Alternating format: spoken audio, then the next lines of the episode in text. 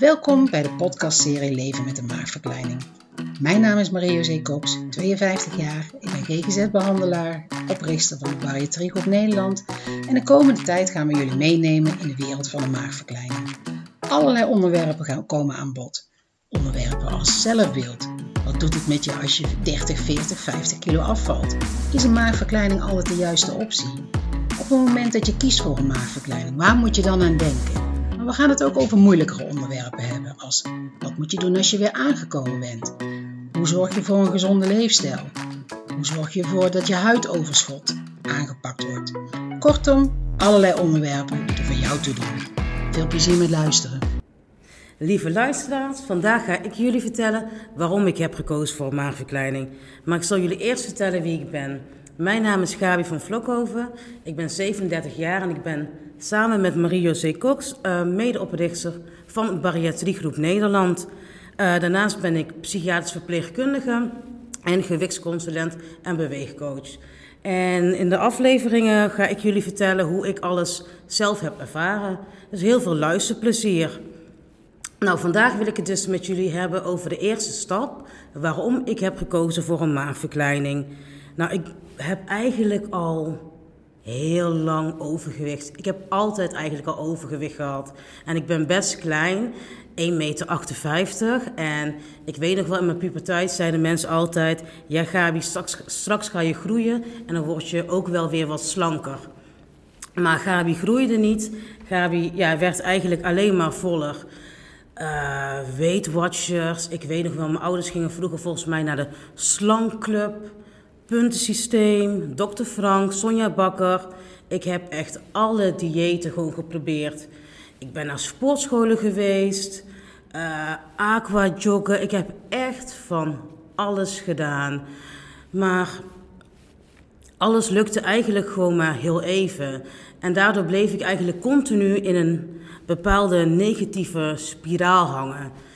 Uh, op een gegeven moment uh, werd ik moeder en ja, door de zwangerschappen bleven er nog meer kilo's hangen. En ik merkte gewoon dat ik het eigenlijk steeds lastiger begon te vinden. Tijdens mijn zwangerschap had ik ook al zwangerschapssuiker.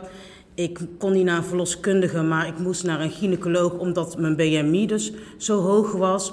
Dus toen werd ik me steeds meer van bewust van, hey Gaap, je hebt eigenlijk wel heel veel um, klachten door je overgewicht.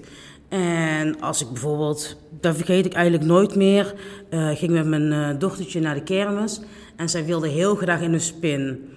En ze was, uh, ze was vier of net vier. Dus ze kon nog niet in een grote mensenspin, maar we hadden op de kermis een kinderspin. Maar er waren dus ook van die kinderbakjes. En zij kijkt mij aan, mama, ik wil daarin. Dus maar als moeder doe je dat. Maar goed, ik ging zitten met haar. En ja, de gordel ging niet dik, want ik was gewoon echt te dik. Dus ik moest eruit en ze keek me zo verdrietig aan dat op dat moment eigenlijk echt gewoon mijn hart brak. En dat ik echt zoiets had van Gaap, dit kan niet, nu wordt het echt tijd om iets te gaan doen. Nou, ik ben uh, toen gaan googlen eerst van, hé, hey, wat is er nu eigenlijk allemaal? Mijn huisarts had al tien jaar geleden of zo gezegd van, Gabi, denk eens na over een maagverkleining. Maar toen um, leek mij dat nog um, ja, gewoon een te grote ingreep. Nou, toen ben ik me rustig gaan inlezen en had ik zoiets van, ik ga nu naar de huisarts. Dus ik ben naar de huisarts gegaan. Vond ik echt heel erg spannend, want ik was net verhuisd. Dus het was um, voor mij ook een nieuwe huisarts. Dus we hadden eigenlijk gelijk een kennismaking en ik kwam dus gelijk zeggen van... Hoi, ik ben Gabi en ik wil graag een verwijzing voor een maagverkleining. En uh, het was een hele lieve huisarts. Ook heel grappig, want hij moest eigenlijk lachen. En die zei van, nou mevrouw van Vlokhoven, jij bent helemaal niet te zwaar. En eerst had ik zoiets van, oh jee, dan ga ik maar. Maar ik dacht, nee, ik heb hier, kies hier heel bewust voor. En uh, meneer de dokter, waar is uw weegschaal? Want dan uh, zult u zien dat ik wel een aanmerking kom voor een maagverkleining. Dus ik mocht op de weegschaal staan en toen uh, zagen we dus ook dat mijn BMI 42, 42 nog iets was. En toen heeft hij dus voor mij een verwijzing geschreven. En uh, ja, toen ging het eigenlijk dan uh, ook echt beginnen. En wat ik nog meer heb gedaan in mijn eerste stap, naast um, de informatie en mijn gesprek met de huisarts was het ook om het er al te hebben met ehm, de mensen om me heen.